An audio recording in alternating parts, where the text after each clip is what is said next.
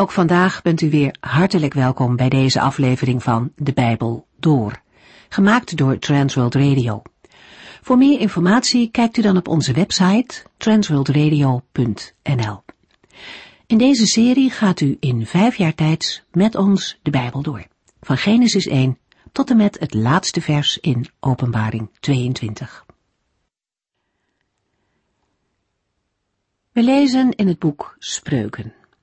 Met hoofdstuk 10 zijn we de vorige keer aan het hoofddeel van dit boek begonnen. Dat bestaat uit een verzameling van 375 spreuken van Salomo. Hij opent met een aantal tegenstellingsspreuken. Met allerlei voorbeelden laat hij het contrast zien tussen een verstandig en een onverstandig mens. De een bezorgt zijn ouders vreugde, de ander verdriet. Een van de voorbeelden die genoemd wordt is de oogst. Als het tijd is om te oogsten, kan iemand hard aan het werk gaan of gaan liggen slapen. En het resultaat van beide is wel duidelijk. Ook in het geestelijk leven geldt dat. In het Nieuwe Testament komt dit beeld van de oogst terug. De Heer Jezus geeft bijvoorbeeld aan dat de velden wit zijn om te oogsten, maar dat er een gebrek aan arbeiders is. Hij roept zijn discipelen op om te bidden om nieuwe werkers en stuurt ze vervolgens de wereld in om zelf aan het werk te gaan. Misschien bent u al wat ouder en heeft u niet meer de mogelijkheid om erop uit te gaan. Wat u wel kunt doen, is bidden voor de werkers op het zendingsveld en om nieuwe medewerkers. Gebed is een belangrijke manier om mee te werken om de oogst binnen te halen. Het principe van verzamelen in de zomer ligt in letterlijke zin nogal voor de hand. Laten we even terugdenken aan een tijd waarin mensen leefden van de opbrengst van hun land en er nog geen supermarkten bestonden. Niemand zou midden in de winter proberen groente te oogsten. Maar wie in de zomer zijn oogst op het land had laten staan, had in de winter wel een probleem, want dan was er gewoon geen eten. In het geestelijke werkt dat net zo. Als er een tijd is van overvloed, waarin het goed gaat, is het belangrijk om niet luid te worden dan is het zaak om actief bezig te zijn met Gods woord en met zijn werk. Dan moeten we verzamelen, want het kan ook in geestelijk opzicht winter worden. Geloofsvrijheid is niet altijd vanzelfsprekend en ook in ons eigen leven kunnen er moeilijke tijden komen. En wat is het dan waardevol als we veel kunnen hebben verzameld om die geestelijke winter door te komen. We gaan verder met Spreuken 11. De eerste acht versen van Spreuken 11 handelen vooral over de zekerheid die iemand door eerlijkheid en oprechtheid kan verkrijgen. Inhoudelijk sluiten deze versen aan bij Spreuken 10 vers 27 tot en met 30, waar werd gesproken over de zekerheid voor rechtvaardigen en over de onzekerheid voor onrechtvaardigen of goddelozen. Spreuken 11 vers 1 De Heere verafschuwt een weegschaal waaraan geknoeid is, maar een zuiver gewicht is goed in zijn ogen. Spreuken 11 begint met eerlijkheid in de handel en stelt dat een weegschaal waaraan is geknoeid een gruwel voor de Heer is. Oneerlijkheid vond vaak plaats door fraude met gebruikte gewichten. Ook kon er worden geknoeid met de weegschaal door metalen onderdelen te verbuigen. Dat de Heer een afschuw heeft van een weegschaal waaraan is geknoeid, blijkt al in de wetgeving van het volk Israël. Salomo stelt dat de Heere de toeschouwer is van alles wat in de handel gebeurt. Dat moet een handelaar of koopman aanzetten tot integriteit. Spreuken 11 vers 2 Op trots volgt altijd schande. Op nederigheid volgt wijsheid. De volgende spreuk in vers 2 geeft aan dat hoogmoed schande met zich meebrengt. Deze tekst sluit aan bij het voorgaande. Een bedrieger denkt in zijn hoogmoed dat hij boven de wet staat. Volgens Psalm 10, vers 3 en 4 pochen ze over alles wat zij willen en kunnen. Hooghartig en trots als ze zijn, denken zij dat er geen God is die rekenschap vraagt. In hun leven is geen plaats voor hem.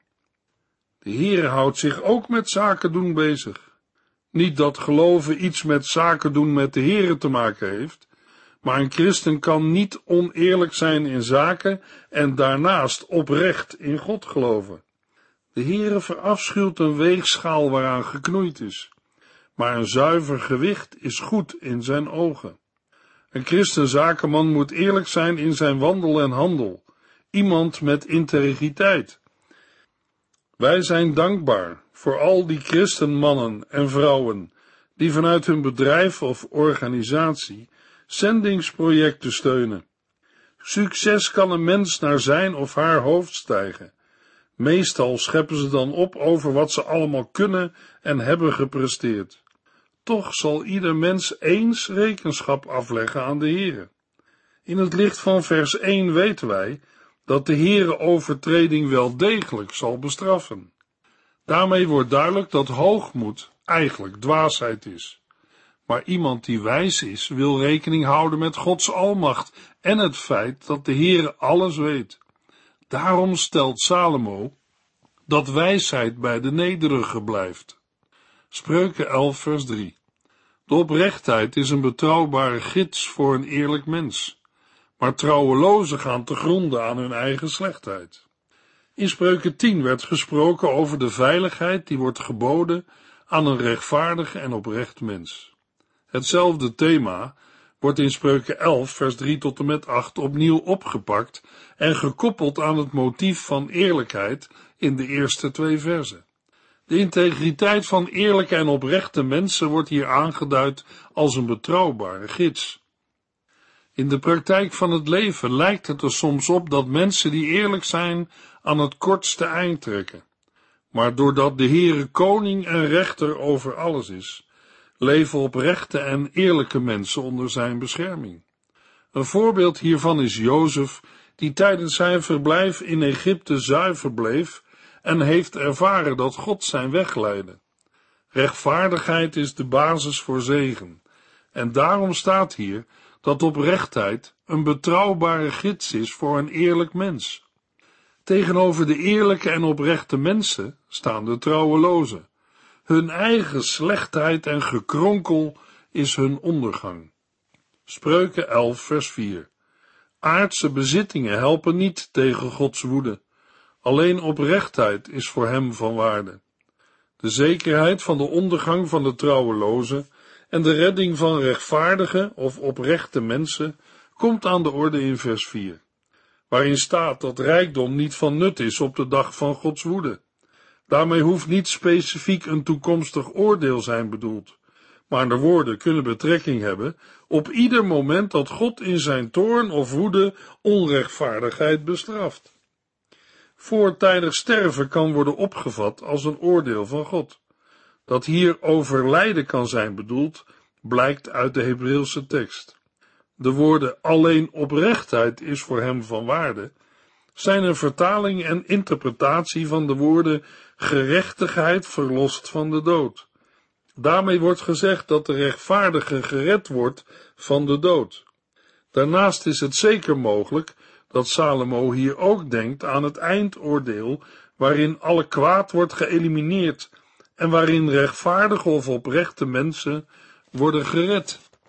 Spreuken 11, vers 5 en 6. De rechtvaardigheid van een oprecht mens maakt hem duidelijk welke weg hij moet gaan. Maar de goddeloosheid van een goddeloos mens brengt hem ten val. Eerlijke mensen worden gered door hun oprechtheid, maar oneerlijke mensen raken verstrikt in hun slechtheid. De versen 5 en 6 plaatsen rechtvaardigheid tegenover goddeloosheid. De rechtvaardigheid van een oprecht mens zal hem duidelijk maken welke weg hij moet gaan, terwijl een boosdoener door zijn goddeloosheid zal vallen. Een mens kan zo verstrikt raken in de slechtheid waarmee hij zich bezighoudt, dat hij eraan ten onder gaat.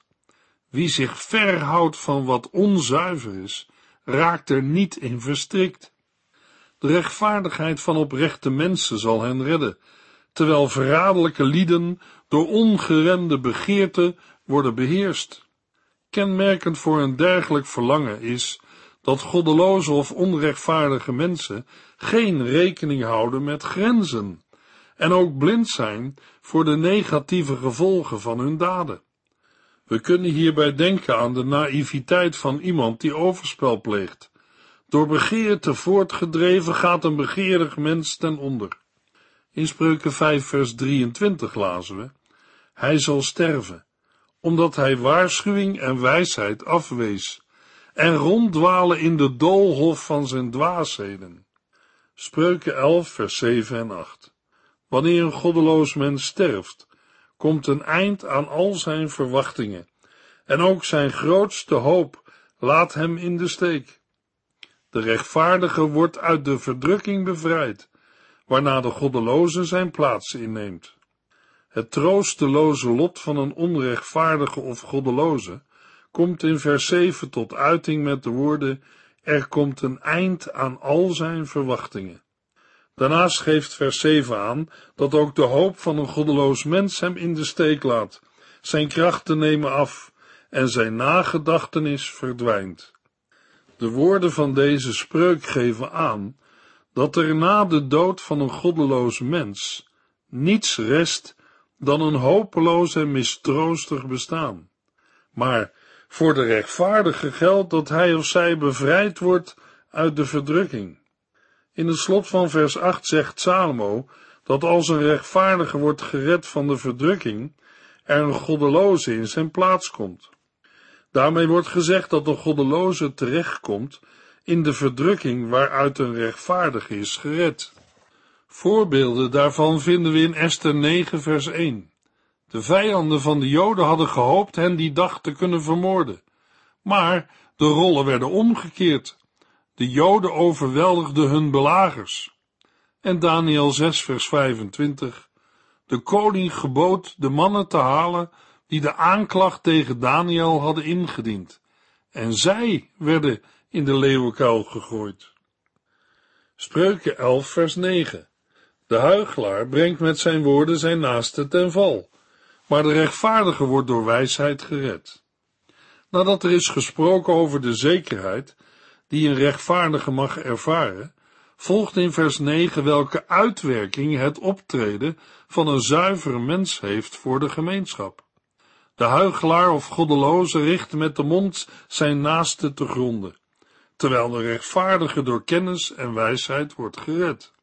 Hiermee wordt beschreven hoezeer een slecht mens door de dingen die hij zegt anderen kan schaden. Er wordt ook een middel aangereikt, waardoor een oprechte zich kan weren tegen deze aanvallen. De rechtvaardige wordt door wijsheid gered, door voortgekomen kennis uit ontzag voor God. Spreuken 11, vers 10 en 11. De inwoners van een stad zijn blij dat het de rechtvaardige goed gaat. En als de goddelozen ten val komen, gaat een gejuich op. Oprechte mensen zijn een zegen voor een stad en doen die groeien en bloeien. De invloed van goddelozen is echter vernietigend. De versen 10 en 11 zijn zowel taalkundig als inhoudelijk met elkaar verbonden. Ze versterken de oproep rechtvaardig te leven en beschrijven de manier waarop een mens publieke waardering kan verkrijgen. Het blijkt uit het feit dat een stad blij is wegens de voorspoed van de rechtvaardigen terwijl er gejuich klinkt bij de ondergang van de goddelozen. De vreugde over deze zaken is begrijpelijk, omdat een rechtvaardige een gemeenschap goed doet, terwijl goddelozen haar schade berokkenen.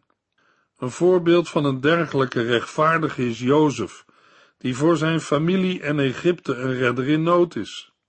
Een ander voorbeeld is hofmaarschalk Eljakim, die een vader voor de inwoners van Jeruzalem is en daarom wordt toegejuicht als hij in de stad verschijnt.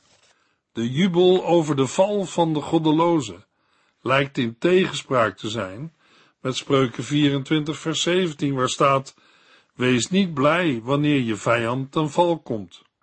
We kunnen deze tegenstrijdigheid verklaren door te wijzen op het feit dat in Spreuken 11 sprake is van een publieke vijand, terwijl het in Spreuken 24 gaat over een persoonlijke tegenstander.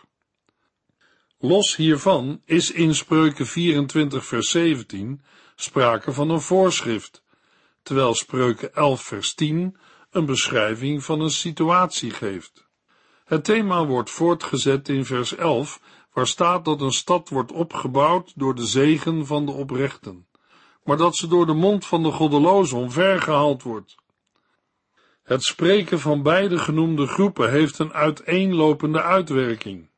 Oprechten bouwen de gemeenschap op, door gebeden en door opbouwende en bemoedigende opmerkingen.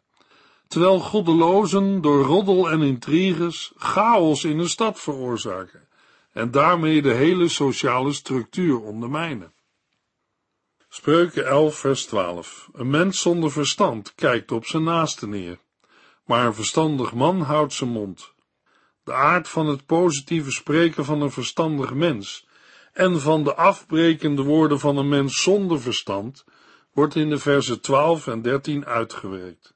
Wie zijn naaste veracht of op hem of haar neerkijkt, is verstandeloos, terwijl een verstandige zijn mond houdt.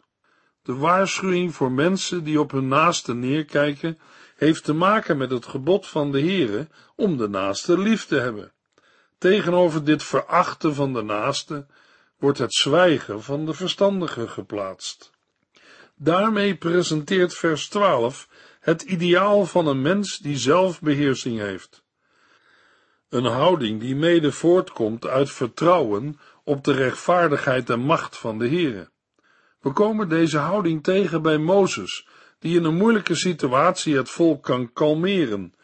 Onder druk kan hij volhouden door zijn vertrouwen op God. Een wijs en verstandig mens is in staat te wachten op het moment waarop hij het goede woord op de juiste tijd kan spreken. Luisteraar, een goed moment om naar onszelf te kijken en eens na te gaan of wij bij de verstandigen of bij de onverstandigen horen. Dat geldt ook zeker voor wat wij over anderen zeggen. Spreuken 11 vers 13 Wie roddels verspreidt, maakt geheimen bekend, maar een takvol en betrouwbaar mens bedekt zo'n zaak. Een onverstandig mens kenmerkt zich door impulsief gedrag. Hij of zij uit ondoordacht kritiek op medemensen en wordt daarbij vaak geleid door gevoelens van haat en verachting. Een dergelijk mens breekt uiteindelijk de gemeenschap af. In vers 13 wordt ingegaan op degene die als lasteraar of roddelaar rondgaat. Hij of zij maakt geheimen bekend en openbaar. Onder roddelaars of lasteraars worden mensen verstaan die door leugen en bedrog slachtoffers maken. Als aan zulke mensen een geheim wordt verteld, bazuint hij of zij dat rond en maakt op die manier mensen kapot. Tegenover dergelijke afbrekende praktijken staat een betrouwbaar mens die zaken voor zich houdt. Hij of zij loopt geen dingen te vertellen die anderen kwetsen of naar beneden halen. Het wil niet altijd zeggen dat de zaken die worden verteld niet waar zijn, maar hij of zij schaadt het vertrouwen door het tegen anderen te zeggen. Het bouwt niet op, maar breekt eerder af. Als u, jij en ik weten dat een broeder of zuster heeft gezondigd, horen wij naar hem of haar toe te gaan en de gebeurtenis onder vier ogen aan de orde te stellen. Wij mogen het samen in gebed bij de Here brengen en ons realiseren, wie staat, ziet toe dat hij of zij niet valt. Het overal rondbazuinen is kwaadsprekerij. Spreuken 11 vers 14 Wordt een land niet verstandig geregeerd, dan zet het verval in. Met veel goede adviseurs blijft een land echter welvarend. Wil een gemeenschap tot bloei komen, dan is het niet alleen nodig dat mensen hebben geleerd te zwijgen. Het is ook van belang dat op juiste wijze wordt gehandeld en gesproken. Daarom merkt Salomo op dat een volk ten val zal komen door gebrek aan beleid en adviseurs. Beleid moet worden uitgevoerd met een duidelijke visie. Met deze woorden wordt indirect gewaarschuwd tegen een impulsief ad hoc beleid. Door het raadplegen van veel adviseurs is er hulp in het dagelijkse leven. Met andere woorden, blijft een land welvarend. Het is van belang goed naar adviseurs te luisteren. Het advies naar meerdere adviseurs of raadgevers te luisteren komen we vaker tegen in het Bijbelboek Spreuken. Spreuken 11, vers 15. Als iemand zich voor een onbekende borg heeft gesteld, zal hem dat zeker opbreken. Om een onbezorgd leven te leiden, kan men zich beter niet garant stellen. Na zaken die de gemeenschap betreffen, gaat het in vers 15 over kwesties die personen betreffen. Iemand die borg staat voor zijn naaste, brengt zichzelf veel schade toe. In de Hebreeuwse tekst komen we een element tegen die we niet direct in de vertaling van het boek vinden. Het zijn de woorden, wie de handslag vermijdt, gaat veilig. Maar hij die handslag wantrouwt, weet zich veilig. Over de gevaren van onverantwoorde borgstelling en handslag hebben we ook gelezen in Spreuken 6 vers 1. Met een handslag werd vaak een afspraak of een koop bezegeld. Een kanttekening bij vers 15 is dat we de woorden niet mogen opvatten als een verwerping van barmhartigheid of daad van naaste liefde, maar wij moeten de woorden zien als een aanbeveling om met beleid op te komen voor de naaste. Als iemand is opgekomen voor zijn naaste, dan is het de Heer Jezus Christus. In 2 Korintiërs 8 vers 9 lezen we, U hebt toch de genade van ons Heer Jezus Christus leren kennen. Hoewel hij heel rijk was, werd hij arm ter wille van u, opdat hij door arm te zijn u rijk zou maken. Hij nam uw, jou en mijn schuld op zich. Hij heeft zich voor mij borg gesteld, mijn zonde verzoend en schuld betaald. Spreuken 11 vers 16 Een vrouw krijgt eer door haar bevalligheid, een man krijgt rijkdom door zijn kracht. Spreuken 11 vers 16 tot en met 22 kunnen we als één samenhangend geheel opvatten. De inhoud handelt over het gedrag van een vrouw. Vers 16 gaat over een vrouw die eer verwerft. En vers 22 heeft betrekking op een vrouw zonder eer, omdat ze haar verstand niet gebruikt. In vers 17 tot en met 21 staan wijze woorden over het verwerven van welvaart en schande. Het gedeelte begint met de vermelding dat een bevallige vrouw vasthoudt aan haar eer of eer krijgt. Een ander woord voor bevallig is lieflijk of aangenaam. Daarbij gaat het eerder om goede karaktertrekken dan om uiterlijke schoonheid. De woorden betekenen dat de vrouw haar best doet door innerlijke schoonheid, een positie te verwerven binnen de samenleving. Het tweede gedeelte van vers 16, een man krijgt rijkdom door zijn kracht, wordt positiever voorgesteld dan in de Hebreeuwse grondtekst staat. Letterlijk staat er, geweldplegers steunen op rijkdom. De grondgedachte van deze spreuk zien we terugkomen in spreuken 22 vers 1, waar een goede naam of reputatie tegenover rijkdom wordt gesteld. Het eerste is belangrijker dan het tweede. Krampachtig vasthouden aan rijkdom geeft uiteindelijk een valse zekerheid. Spreuken 11, vers 17 tot en met 21. Een zachtaardig en vriendelijk mens doet zichzelf goed, maar een wreed mens schaadt zichzelf. Alles wat een goddeloze doet is nutteloos, maar er is een beloning voor hem die goed doet. Zo leidt de gerechtigheid naar het leven, terwijl de boosdoener zichzelf de dood injaagt. De Heere verafschuwt slechte mensen, maar wie oprecht leeft, vindt genade in zijn ogen. De boosdoener en zijn nageslacht zullen niet ongestraft blijven, maar God redt de kinderen van de oprechten. In een volgende serie spreuken wordt gesteld dat een vriendelijk mens zichzelf wel doet, terwijl een vredaard zichzelf benadeelt. Daarna komen twee spreuken waarin het leven wordt geplaatst tegenover de dood. Het bedriegelijke en goede loon uit vers 18 wordt in vers 19 gedefinieerd in termen van leven en dood. De eerste uitspraak stelt dat een goddeloze nutteloos werk doet. Het geeft een opbrengst die bedriegt en geen stand houdt, omdat alles is gericht op de persoon zelf en niet op een ander of de Heere. Daarom is het geen echte winst. Een voorbeeld waaruit dat blijkt, is wat de farao heeft moeten ervaren in het Bijbelboek Exodus. Hij geeft opdracht alle pasgeboren Hebreeuwse jongetjes in de Nijl te gooien. Daarmee hoopte hij de zaken onder controle te kunnen houden. Maar uiteindelijk liet de Heere zijn hele leger verdrinken in de Schelfzee. In vers 18 wordt onderstreept dat een mens oogst wat hij zaait. De gemaakte vergelijking wordt uitgewerkt in de mededeling dat op die manier gerechtigheid tot het leven leidt, maar het najagen van kwaad leidt tot de dood. In vers 20 wordt gesproken over het oordeel van God en in vers 21 worden de gevolgen ervan beschreven. Als de bestraffing niet onmiddellijk wordt uitgevoerd, zal die op een later moment plaatsvinden. Spreuken 11, vers 22. Een mooie vrouw die haar verstand niet gebruikt, lijkt op een gouden ring in de neus van een varken. Een gouden ring in een varkensnuit is als een mooie vrouw zonder verstand. Een varken geldt als een onrein dier. De gouden ring is een kostbaar sieraad dat niet past bij een varken.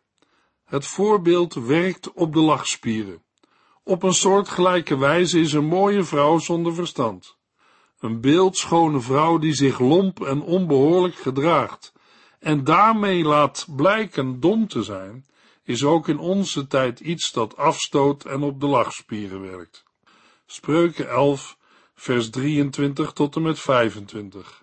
Rechtvaardige mensen hopen alleen op het goede, maar goddeloze mensen staat Gods toorn te wachten. Gulle en goedgeefse mensen krijgen toch steeds meer, maar wie gierig is, wordt steeds armer.